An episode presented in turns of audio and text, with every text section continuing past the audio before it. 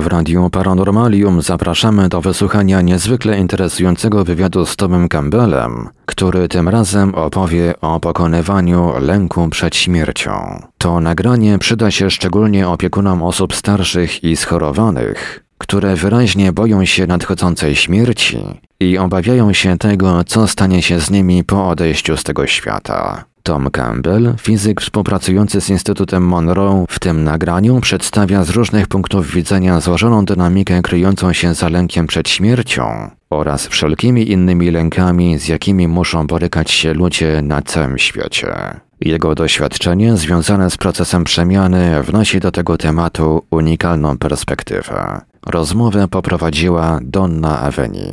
Zapraszamy do słuchania. Dobry wieczór, Tom. Dziś chciałabym porozmawiać na temat lęku przed śmiercią. Temat ten często się przewija. Jest to coś, nad czym ludzie w każdej grupie wiekowej w pewnym momencie zaczynają się zastanawiać. Bywa, że ów lęk przed śmiercią dla wielu osób jest bardzo poważny. Jeśli możemy do tego podejść w sposób ogólny, aby pomóc tym ludziom, od czego byś zaczął odnosząc się do tej kwestii?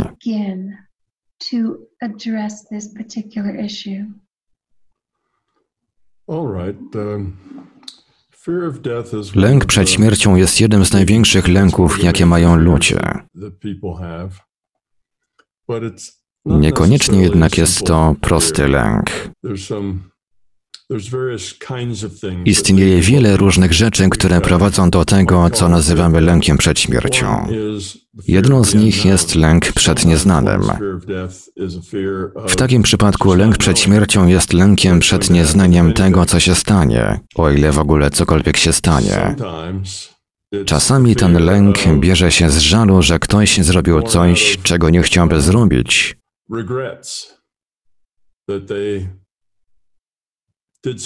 lub podjął decyzje, których nie chciałby podjąć.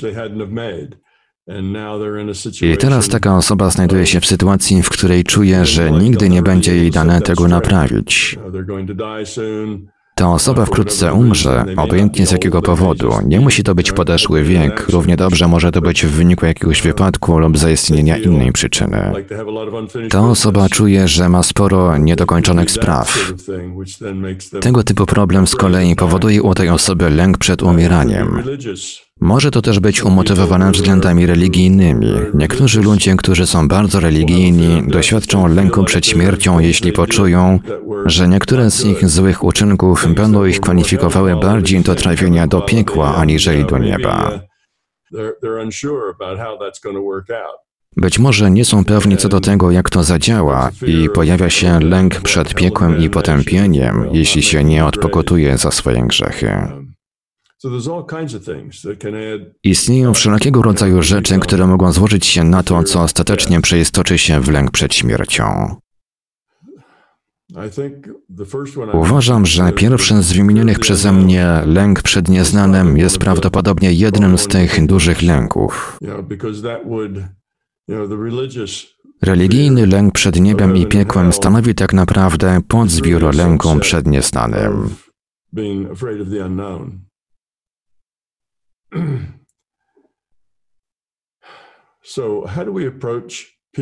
Podejście do ludzi sparaliżowanych przez lęk to w zasadzie bardziej ogólna kwestia. Użyjemy jednak lęku przed śmiercią jako swego rodzaju dobrego przykładu. Niekiedy ludzie bywają zdominowani przez swoje lęki. Wówczas nazywamy to atakami paniki. Lęk staje się wówczas obezwładniający.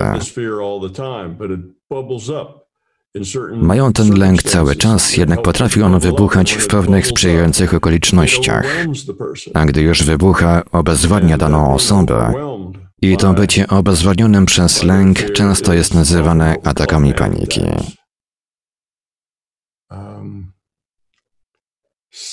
Czasami przejawia się to poprzez napady płaczu. Ludzie odczuwają potrzebę płaczu przez długi czas i czasami mogą nie wiedzieć, dlaczego taka czy podobna rzecz powoduje lęk na tyle silny, że trudno go kontrolować, aż staje się obezwładniający.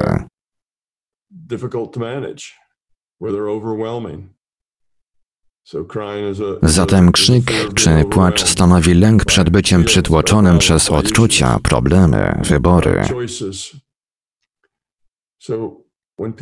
Gdy więc ludzie doświadczają lęku na takim poziomie, nie pomoże im wówczas udanie się na intelektualną dyskusję, dyskusję z nimi na temat tego, jak powinni pozbyć się tego lęku i jak muszą zaakceptować fakt, że przeszłość już minęła, a przyszłość będzie taka, jaka będzie, i żeby się jej nie bać i tak dalej.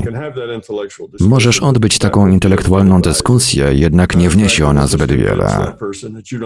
Ona tylko utwierdzi taką osobę w przekonaniu, że nie rozumiesz problemu i nie masz tak naprawdę nic do zaoferowania, ponieważ porada intelektualna nie jest czymś, co ta osoba może wykorzystać, by pomóc sobie z problemem emocjonalnym. Problem w tym, że lęk nie jest czymś racjonalnym. Próbujesz zatem podejść do kogoś, kto nie myśli racjonalnie, z racjonalnym argumentem, i to po prostu na dłuższą metę do niczego nie prowadzi. Więc pierwszym krokiem jest zrozumienie, że tłumaczenie takiej osobie, dlaczego nie powinna się obawiać, jest kontrproduktywne. Przeważnie nie tylko nie pomaga, ale jest wręcz kontrproduktywne. Musisz zatem zastosować bardziej niebezpośrednie podejście do takich ludzi, ponieważ na poziomie intelektualnym mogą doskonale wiedzieć, że ich lęki są głupie lub że ich lęki znajdują się całkowicie poza ich możliwościami zdziałania czegokolwiek. Po co więc się nimi przejmować? Po co przejmować się tym aż tak mocno, skoro i tak nie możesz z tym nic zrobić? To racjonalne podejście. Nie martwisz się rzeczami, nad którymi nie masz kontroli. One po prostu dzieją się albo nie. Obawianie się ich jest więc bezproduktywne. To jest racjonalny punkt widzenia. Jesteś nieproduktywny, może po prostu pozbądź się tego lęku. Oczywiście ludzie nie potrafią tego zrobić i nie robią tego. Irracjonalnego ręku nie da się zatem załagodzić racjonalną dyskusją lub racjonalnym argumentem. Zwykle tylko pogarszają one sprawę. Jeśli idzie o radzenie sobie z lękiem, sugerowałbym najpierw podejść do osoby doświadczającej lęku na zasadzie komunikacji świadomość-świadomość. Polega to na tym, że wykorzystujesz swoją intencję do połączenia się z tą osobą, a gdy już się z nią połączysz, spróbuj ją uspokoić, Spróbuj powiedzieć, że wszystko będzie dobrze. Pomaganie osobie owładniętej lękiem polega na potraktowaniu jej w podobny sposób. Nie bezpośrednio, nie prawiąc tyrady, nie wyjaśniając, ale troszcząc się, uspokajając, przynosząc pozytywne rzeczy, coś, co odciągnie uwagę od lęku. Ponieważ po części problem z byciem owładniętym przez lęk polega na tym, że jest to negatywne koło, które pogarsza się, jeśli doświadczasz lęku, nawet niewielkiego, a tym lękiem jest zmartwienie. Umartwienie się posiadaniem tego lęku spowoduje powstanie kolejnych lęków. Im więcej myślisz o tym lęku, tym więcej lęków się pojawi. Więcej lęków powoduje, że bardziej się martwisz, co powoduje powstanie jeszcze kolejnych lęków. Prowadzi to do powstania kręgu, który zatacza się i prowadzi do punktu, w którym lęki obezwładniają cię. Dlatego trzeba pomagać ludziom przełamać ten krąg, ponieważ ten cykl bycia obezwładnionym przez lęk często prowadzi do powstania kręgu depresji generates a cycle of depression. Ludzie, którzy są przytłoczeni swoimi lękami, zapadają na depresję, stają się dysfunkcyjni, nie skupiają się na pracy, nie skupiają się w domu, nie skupiają się na tym, co muszą zrobić. Są ogarnięci swoimi lękami. W końcu przeradza się to w coś, co staje im na drodze przez resztę ich życia. Jak zatem odkręcić tę spiralę lęku? Można to zrobić przy pomocy pozytywności. Ta spirala lęku to tak naprawdę spirala negatywności. To jest okropne. Jesteś w jednym z tych nastrojów, w których patrzysz na coś, co jest okropne. Widzisz same okropne rzeczy i im dłużej to robisz, tym więcej okropności zobaczysz. and you feel inadequate. To cię w końcu obezwładnia i czujesz się nieodpowiedni, być może niezadowolony z życia i to jest twój problem. Jeśli jednak czujesz się niezadowolony z życia i zatapiasz się w tej niewystarczalności, wówczas zaczynasz czuć się jeszcze bardziej nieodpowiedni. To działa na takiej samej zasadzie. Możesz popaść w lęk przed byciem nieodpowiednim, lęk przed byciem niekochanym, niebyciem wystarczająco dobrym. Wszystko to może ściągnąć cię w dół. Lęk przed nieznanym, śmiercią, przed popełnieniem w przyszłości błędów, których nie będzie ci dane naprawić. Zamiast więc pozwolić temu odejść i iść dalej przez życie, tkwisz w przeszłości. Z tymi rzeczami jest tak, że im więcej o nich myślisz, tym bardziej negatywny się stajesz i tym łatwiej ci znajdować kolejne negatywności i wtedy stajemy z tym w miejscu. Musimy zatem wspierać ludzi pozytywnymi rzeczami. Bywa, że na początku wystarczy usiąść z taką osobą i z nią być po prostu. Po prostu bądź przy kimś, może złap tę osobę za rękę, albo po prostu bądź przy niej. Dobrze jest po prostu mieć kogoś, nawet jeśli nie mówisz nic, co może pomóc. Jeśli chodzi o poziom umysłu umysłu, możesz być pozytywny, możesz przekazać tej osobie pozytywne uczucia, możesz dać jej wartościowe uczucia. Możesz powiedzieć tej osobie, że śmierć wcale nie będzie czymś strasznym, że świadomość tej osoby przetrwa, a potem będzie miała kolejną okazję do dokonania dobrych wyborów, a potem kolejną. And another one after that, and everything's going to be okay. Wszystko będzie uh, dobrze. Po prostu częścią życia jest jego zakończenie. Życie jest tylko częścią natury. Jest to coś naturalnego. Ta osoba nie będzie pierwszą, która umrze. Umarły już miliardy ludzi, a życie i sprawy toczą się dalej bez nich. I tak też będzie po tym, jak ta osoba umrze. Kluczowe jest więc bycie pozytywnym. Uważam, że pozytywne podejście w ogóle jest czymś bardzo dobrym, ponieważ jeśli negatywność działa jak spirala ciągnąca w dół, to wówczas pozytywność zadziała jak spirala ciągnąca w górę.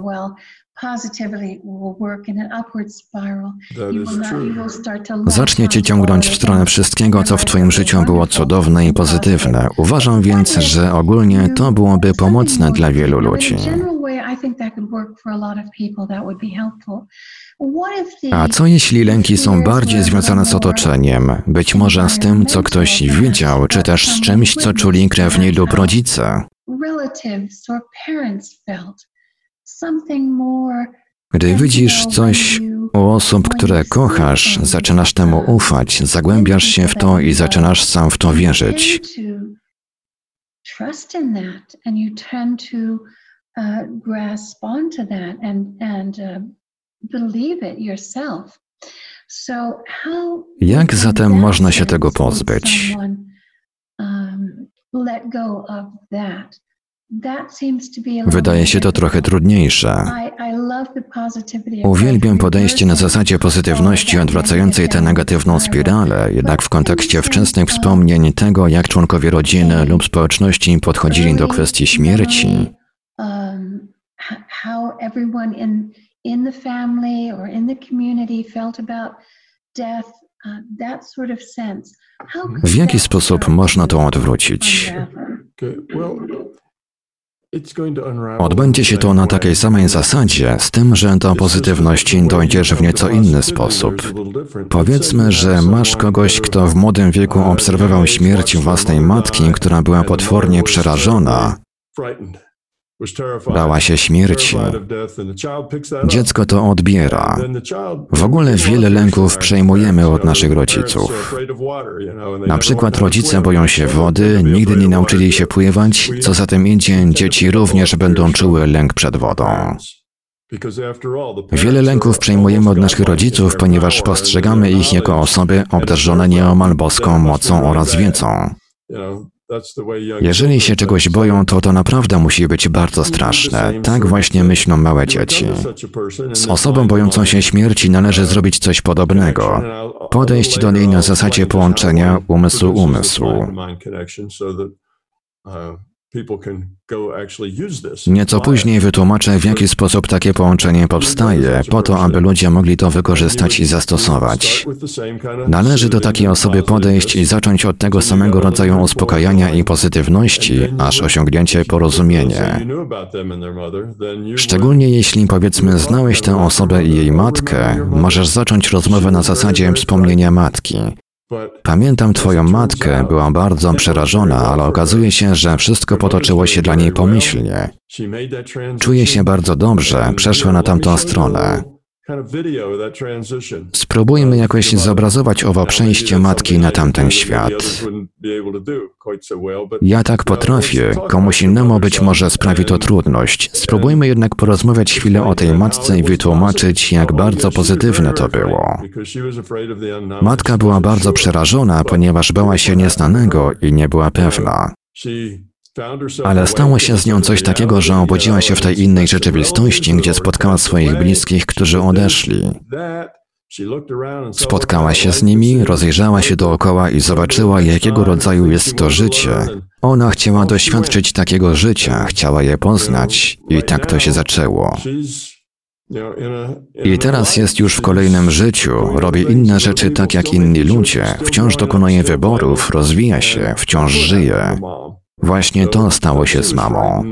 Bała się nieznanego, a nawet samej śmierci, obojętnie z jakiego powodu. Właśnie to się z nią stało. Rozmówca może zapytać, skąd to wiesz, aby się upewnić, że tak po prostu nie zmyślasz. Wtedy powiedz, że wiesz, wiedziałem jak to się dzieje, rozumiem na jakiej zasadzie to działa. Taka jest natura naszej rzeczywistości. Tak działa nasza rzeczywistość. My sami tak działamy. Jesteśmy świadomością.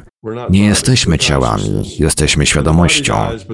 Ciało umiera, ale świadomość żyje dalej. Idziemy do przodu.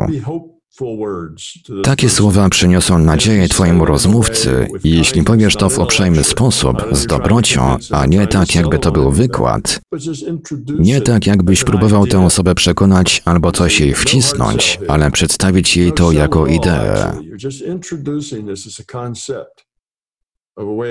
Żadnego wmuszania, po prostu przedstawiasz to jako koncepcję tego, jak to działa. Możesz zacząć w taki sposób. Wielu ludzi uważa, wielu ludzi wierzy, że możesz tak zacząć. I gdy już znajdziecie wspólny język i zobaczysz, że tobie i twojemu rozmówcy ta rozmowa podoba się, możesz powiedzieć, wiesz, wydaje mi się, że coś w tym jest. Dla twojego rozmówcy będzie to kolejny pozytywny element. Do każdej osoby trzeba podchodzić indywidualnie. Jeśli znasz kogoś, kto boi się śmierci i wiesz, że matka tej osoby również się bała, to jest to sposób na podejście do tego tematu poprzez nawiązanie do mamy, cofnięcie się i sięgnięcie do punktu, w którym ten lęk się pojawił, po to, aby go rozładować i przemienić z czegoś negatywnego w coś pozytywnego. I nawet jeśli pozostawisz tę koncepcję, to jest ona na tyle atrakcyjna i pozytywna, że ta osoba będzie chciała po nią sięgnąć i ją poznać. Wystarczy, że nie będziesz tej idei wymuszał. To nie ma być wykład. Po prostu zasygnalizuj tę ideę. Porozmawiajcie o tym.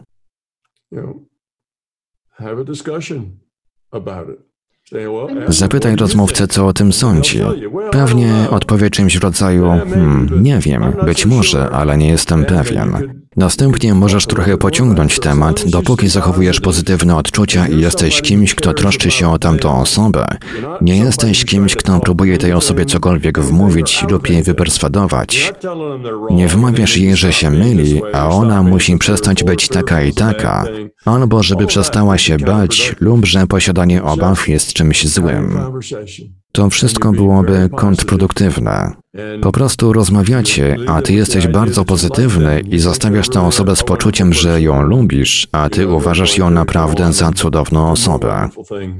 Ta osoba będzie kontynuowała czynienie kolejnych cudownych rzeczy, będzie poznawać i rozwijać się. Po prostu pozostań pozytywny i nie naciskaj. Mówisz o tym z punktu widzenia swojego doświadczenia w eksplorowaniu świadomości, mając jednocześnie na względzie nas jako świadomość. To jest szersza perspektywa, tak należy na to patrzeć w szerszej perspektywie. Posiadasz to doświadczenie i byłeś świadkiem wielu takich przejść. Jednakże zrozumienie koncepcji, że jesteśmy po prostu świadomością i że istniejemy dalej, leży w zasięgu możliwości każdego z nas. Nie trzeba w coś wierzyć, można po prostu na to spojrzeć i zrozumieć z poziomu bytu, że istniejemy dalej i być może to uprości zrozumienie.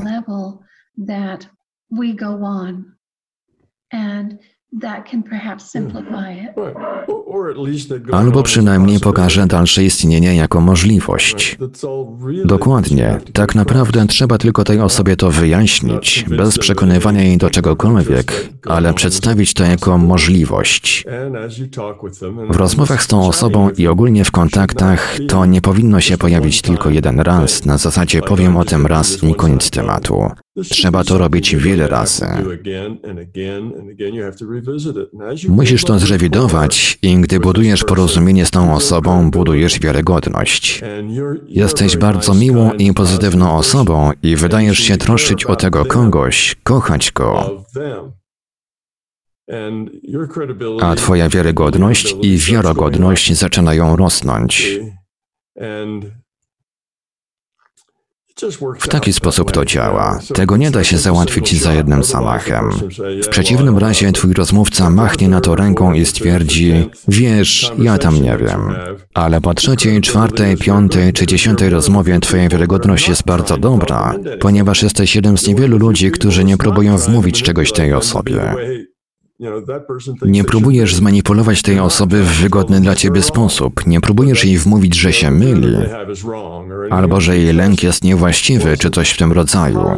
Jesteś po prostu przyjemnym człowiekiem, pozytywnym, troskliwym. Takim ludziom łatwo przekonać cię do zmiany twojego zdania. Tym, co odpycha cię, jest negatywność. Ona powoduje, że masz ochotę odejść. Gdy jednak napotykasz ludzi, którzy są pozytywni, to jest bardziej jak objęcie, przytulenie.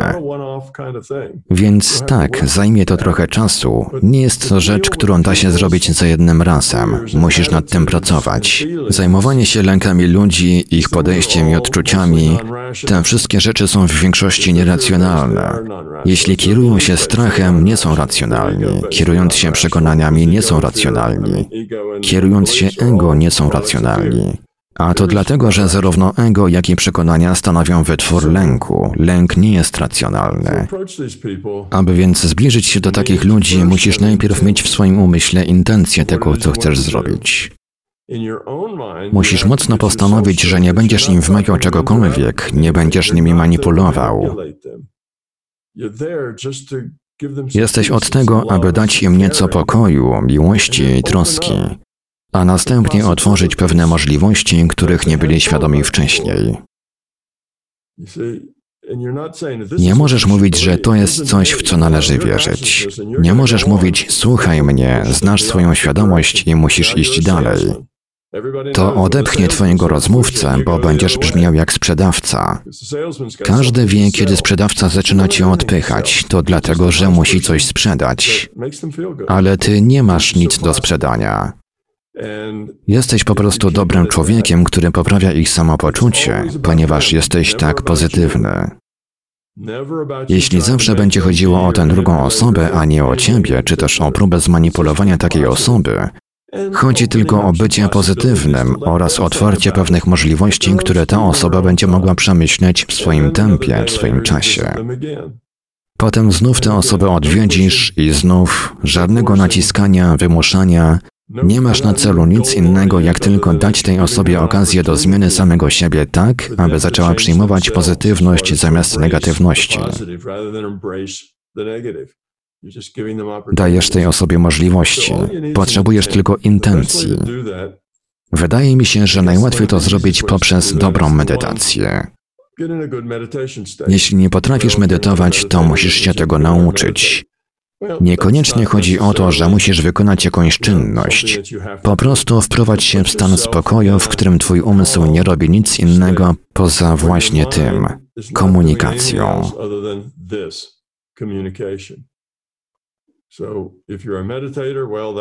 Jeśli potrafisz medytować, to jest to dobry stan medytacyjny. Jeśli nie potrafisz, to po prostu usiądź w ciszy i oddaj się w całości w 100% afirmowaniu bycia pozytywnym. oraz temu, jak bardzo Twoja pozytywność zależy od osoby. Weźmy na przykład rozmowę o matce. Nie uciekaj od tego tematu. Jeśli temat się pojawi, to porozmawiajcie o tym i obróćcie to w coś pozytywnego.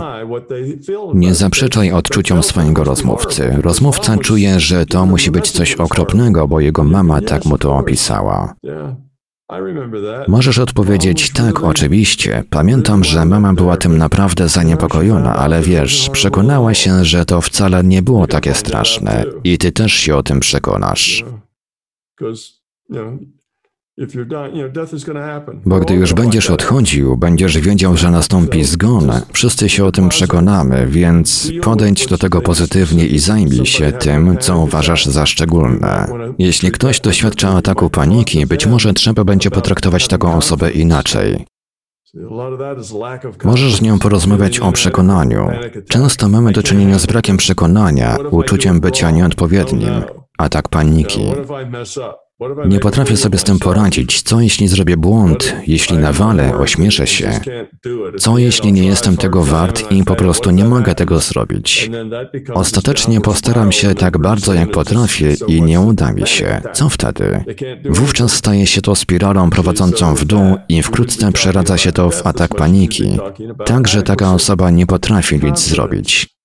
Wówczas zamiast o śmierci powinno się rozmawiać raczej o odpowiedniości, przekonaniu na zasadzie jesteś w porządku, jesteś cudowną osobą. Jak widać, mamy więc dużo do zaoferowania i ofiarowania, i wszystko będzie się sprawdzało, tak jak sprawdzało się do tej pory. Jeśli jest jakaś szczególna rzecz, która powoduje u tej osoby ataki paniki, to trzeba podjąć starania, aby przeistoczyć to z rzeczy przerażającej w coś pozytywnego. Dlatego mówiłem, że dla każdego jest to coś innego. Musisz w jakiś sposób wiedzieć, skąd te rzeczy pochodzą, jakie kluczowe elementy powodują problem, skąd pochodzą najważniejsze lęki, a następnie przeistoczyć je w coś pozytywnego. Trzeba to robić być może nawet codziennie przez dwa lub trzy tygodnie, może nawet miesiąc. Musisz być cały ten czas pozytywny wobec tej osoby. Musi chodzić o tę osobę, nie na zasadzie typu próbuję cały czas sprawić, że babcia się ustatkuje. Mam nadzieję, że się ustatkuje. Jak widać, w taki sposób chodzi tylko o ciebie i o twoje próby sprawienia, aby babcia się ustatkowała. To jest twoja manipulacja mająca na celu ustawienie babci. Jeśli podejdziesz do tego w taki sposób, to nie tylko może to nie zadziałać, ale wręcz przynieść skutek odwrotny od zamierzonego. Mówiąc o każdym dniu, jaki można wykorzystać, możesz nie być w stanie odwiedzać tej osoby codziennie. Możesz jednak wykorzystać metodę świadomość-świadomość, o której wspomniałeś i w ten sposób osiągnąć cel. Mówiąc o każdym dniu, nie miałem na myśli spotykania się z tą osobą w cztery oczy. Jeśli spróbujesz to zrobić fizycznie, to wtedy to nie będzie dobrze działać. Ta osoba pomyśli, że traktujesz ją w sposób protekcjonalny na zasadzie weź się w garść, jesteś cudowną osobą. Reakcja będzie, aha, tak, tak, teraz jestem cudowną osobą, pomyśli sobie twój rozmówca. To tylko pogorszy samopoczucie takiej osoby, ponieważ będzie ona wiedzieć, że próbujesz jej to wmówić, zwracając się do niej w taki sposób. A tak naprawdę wcale nie masz tego na myśli, tylko tak mówisz, żeby sprawdzić, czy dzięki temu poczuje się lepiej. Samo mówienie do kogoś nic nie da. Komunikacja na zasadzie świadomość-świadomość pozwala na ominięcie defensywności oraz ego, jak też wszystkiego, co znajduje się w intelekcie tej osoby. Intelekt tej osoby po prostu wie, że nie jest idealna lub ma jakiś problem, albo że w momencie śmierci stanie się coś okropnego. Tego nie da się obejść, ponieważ ów intelekt po prostu tam siedzi ocenia i analizuje wszystko, co mówisz. I tenże intelekt jest przekonany, że to jest okropne, stanowi to barierę. To dlatego warstwę fizyczną cechują problemy. Bardzo trudno poradzić sobie z tym z punktu widzenia fizyczny-fizyczne. Gdy jednak przemówisz do tej osoby na zasadzie świadomość-świadomość, ominiesz to wszystko i dotrzesz bezpośrednio do rdzenia jestestwa tej osoby. Będziesz rozmawiać z tą osobą na poziomie bytu, w samym rdzeniu jej świadomości. Dopóki więc niczego nie wymuszasz ani nie manipulujesz, tak długo jak tylko będziesz wiarygodny i zaczniesz w sposób delikatny, tak aby już na samym początku nie powiedzieć od razu wszystkiego, co przyjdzie ci do głowy,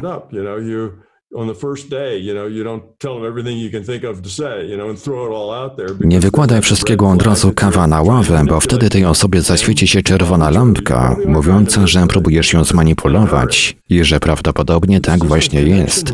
Robisz to w pośpiechu. Chodzi o stworzenie połączenia z ludźmi, uspokojenie ich, poznanie ich na poziomie świadomość-świadomość, połączenie się z nimi. Chodzi o to, by nie poruszać się tylko w jedną stronę. Ty możesz z tą osobą porozmawiać, ona może porozmawiać z tobą i dzięki temu macie połączenie.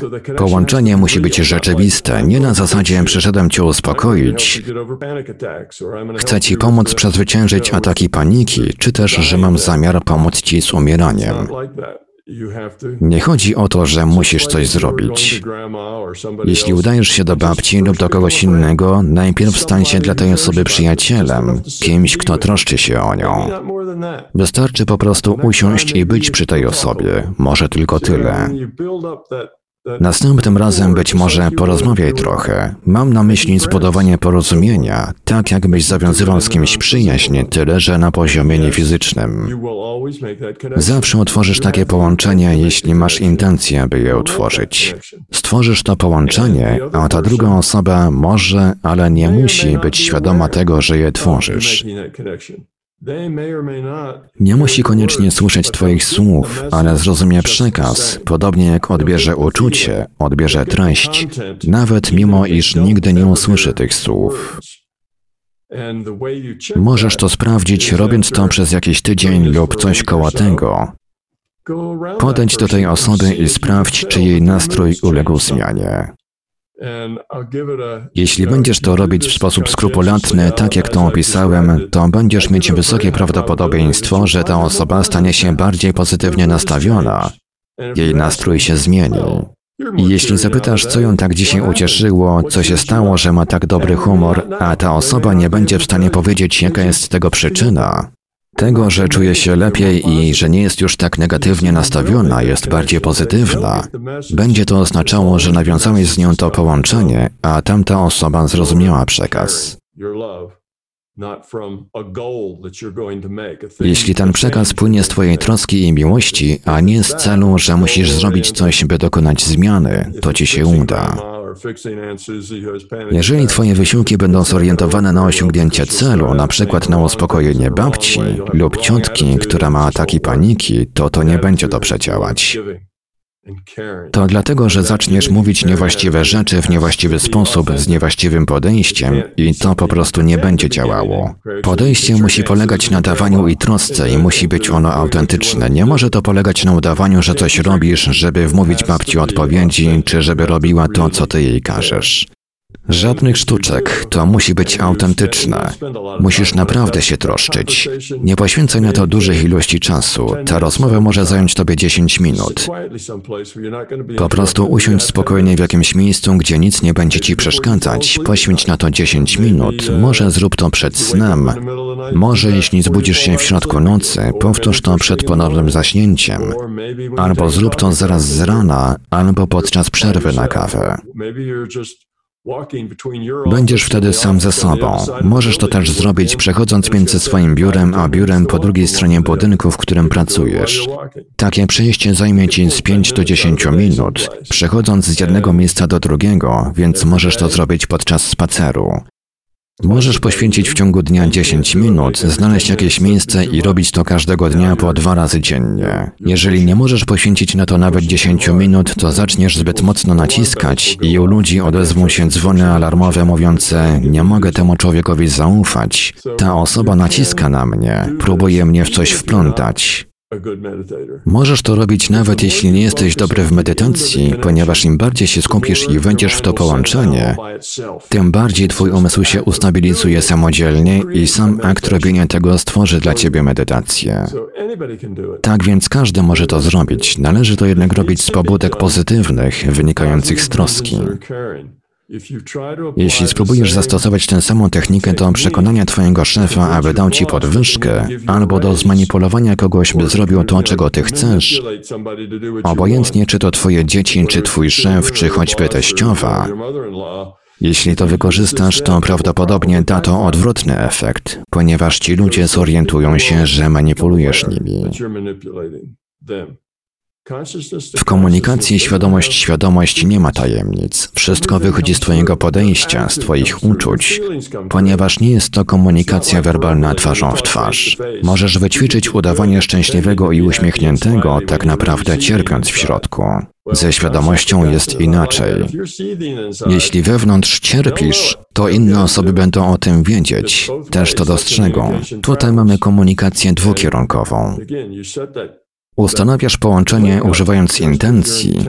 Jeśli więc Twoja intencja nie jest szlachetna i próbujesz zmanipulować szefa, by dał Ci podwyżkę, to Twój szef zorientuje się, że robisz sztuczki i manipulujesz nim.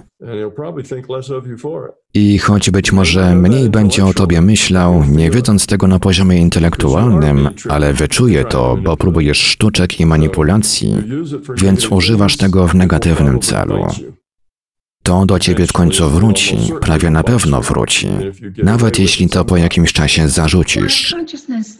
Nasza świadomość jest prawdziwa, stanowi esencję nas samych. Idea, że wszyscy jesteśmy połączeni, istnieje jedna świadomość, której wszyscy jesteśmy częścią, jest czymś, co ludzie mogą często zrozumieć. Stąd też komunikacja w taki sposób jest czymś, co mogą zrozumieć i co mogą zrobić.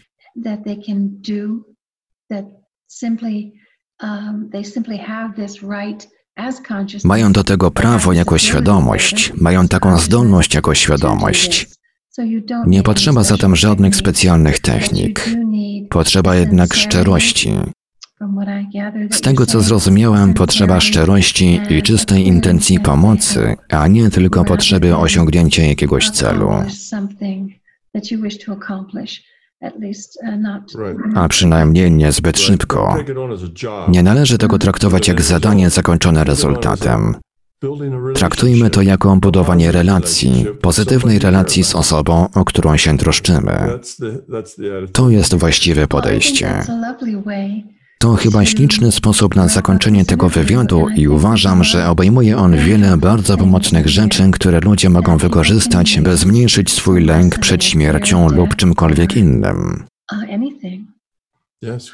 Tak jak powiedziałaś, to działa w każdej sytuacji. Powiedzmy, że jest ktoś, z kim się pokłóciliśmy i teraz oboje jesteśmy zdenerwowani i trudno nam się pogodzić. Albo jest ktoś, wobec kogo popełniliśmy jakieś błędy. Możesz zrobić to samo, możesz pójść tam i przeprosić. Jeśli chcesz, to możesz wykorzystać kanał komunikacji oparty na świadomości, by rozwiązać problemy. By pomóc komuś po prostu poczuć się lepiej, by naprawić stare relacje, by zrobić prawie wszystko. Jest to kanał komunikacji świadomość-świadomość, który jest otwarty i dostępny dla każdego z nas. Wraz z praktyką nabierzemy wprawy w jego wykorzystywaniu. Może być zatem potrzebne praktykowanie tego dziesiątki razy, zanim zacznie ci to dobrze wychodzić. Lecz nie jest to coś, co da się zrobić raz, tylko jeden pierwszy raz, a potem poprzestać i oczekiwać cudu. To nie działa w taki sposób. Trzeba nad tym popracować przez jakiś czas i wtedy się okaże, jak już się w to wejdzie, wejdziesz w stan medytacji i zauważysz, że nie masz już innych myśli, ponieważ jesteś tak mocno zaangażowany w to, co robisz, że twoja intencja jest w pełni skoncentrowana na tym, co robisz. Jeśli do kierowania tym używasz swojego intelektu, intelekt stwierdza: OK, będę dobry, porozmawiam z tą osobą, dam jej coś pozytywnego. Jeśli to wszystko wychodzi z Twojego intelektu, to nie będzie to efektywne. To musi pochodzić z Twojego poziomu bytu. Musi to być komunikacja serce-serce, to musi być autentyczne. Nie może to być intelektualny pomysł polegający na zmanipulowaniu kogoś, aby zrobił coś bardziej pozytywnego, albo myślał w sposób bardziej pozytywny lub był bardziej pozytywny. Oczywiście można to zrobić, jednak jest to wadliwe rozwiązanie. Jeśli pochodzi to z Twojego intelektu, to wpływ tego jest mniejszy. Jeśli jednak to pochodzi z Twojego serca, Twojego bycia, szczerości, autentyczności, to wtedy to nabierze mocy. Zawsze trzeba sprawdzać efekty, więc idź i porozmawiaj z tymi ludźmi, albo porozmawiaj z kimś, kto ma z nimi kontakt i zapytaj, czy babcia czuje się już lepiej i sprawdź, czy jest spokojniejsza i inni ludzie będą to wiedzieć. Będziesz mieć dzięki temu informację zwrotną w kwestii tego, czy masz jakieś wyniki, czy pomagasz babci, czy też nie. Może ci to zająć tygodnie, może nawet miesiąc, zależnie od tego, jak bardzo zlękniona jest twoja babcia, jak głęboki jest to lęk. Im głębszy lęk, tym więcej czasu zajmie podjęcie próby stworzenia ścieżki wyjścia z tej negatywnej spirali. Wszyscy komunikujemy się telepatycznie z innymi ludźmi przez cały czas, tylko nie zdajemy sobie z tego sprawy. I ta sama komunikacja, jakiej używamy do połączenia się, biorąc pod uwagę Twoją teorię i doświadczenie, może być wykorzystana do wysłania tej osobie uzdrowienia i miłości, w taki sam sposób, w jaki wysyłamy pozytywne informacje. Dokładnie. Możesz wysłać tej osobie uzdrowienie, lepsze samopoczucie, lepsze każdego dnia i pod każdym względem.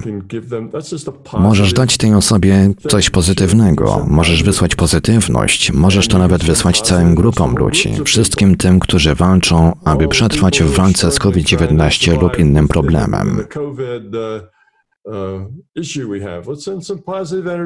Wyślijmy trochę pozytywnej energii wszystkim tym ludziom, aby ich rozświetlić i aby dostrzegli dobro w życiu.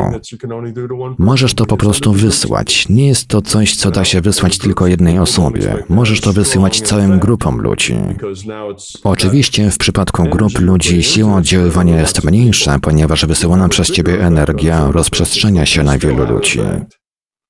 Większą siłę oddziaływania będziesz mieć na pojedynczą osobę, ale wciąż jakaś siła oddziaływania na grupę będzie. Im więcej ludzi do tego zachęcisz, tym większy będzie efekt. To się dodaje. Więc jeśli zachęcisz siebie, członków swojej rodziny, rodziców do popracowania nad babcią, to razem osiągnięcie większy efekt niż gdybyś robił to tylko ty.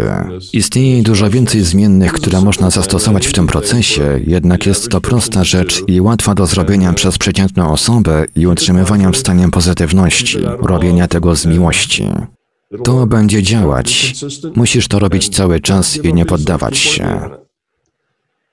A jeśli chcesz zobaczyć rezultaty tego, możesz dołączyć do któregoś z naszych warsztatów globalnego uzdrawiania. Wystarczy, że dasz znać Keithowi z MPT Events i pozwolimy Ci dołączyć do naszego globalnego uzdrawiania, gdzie grupa ludzi spotyka się i robi dokładnie to. Wysyła miłość i troskę.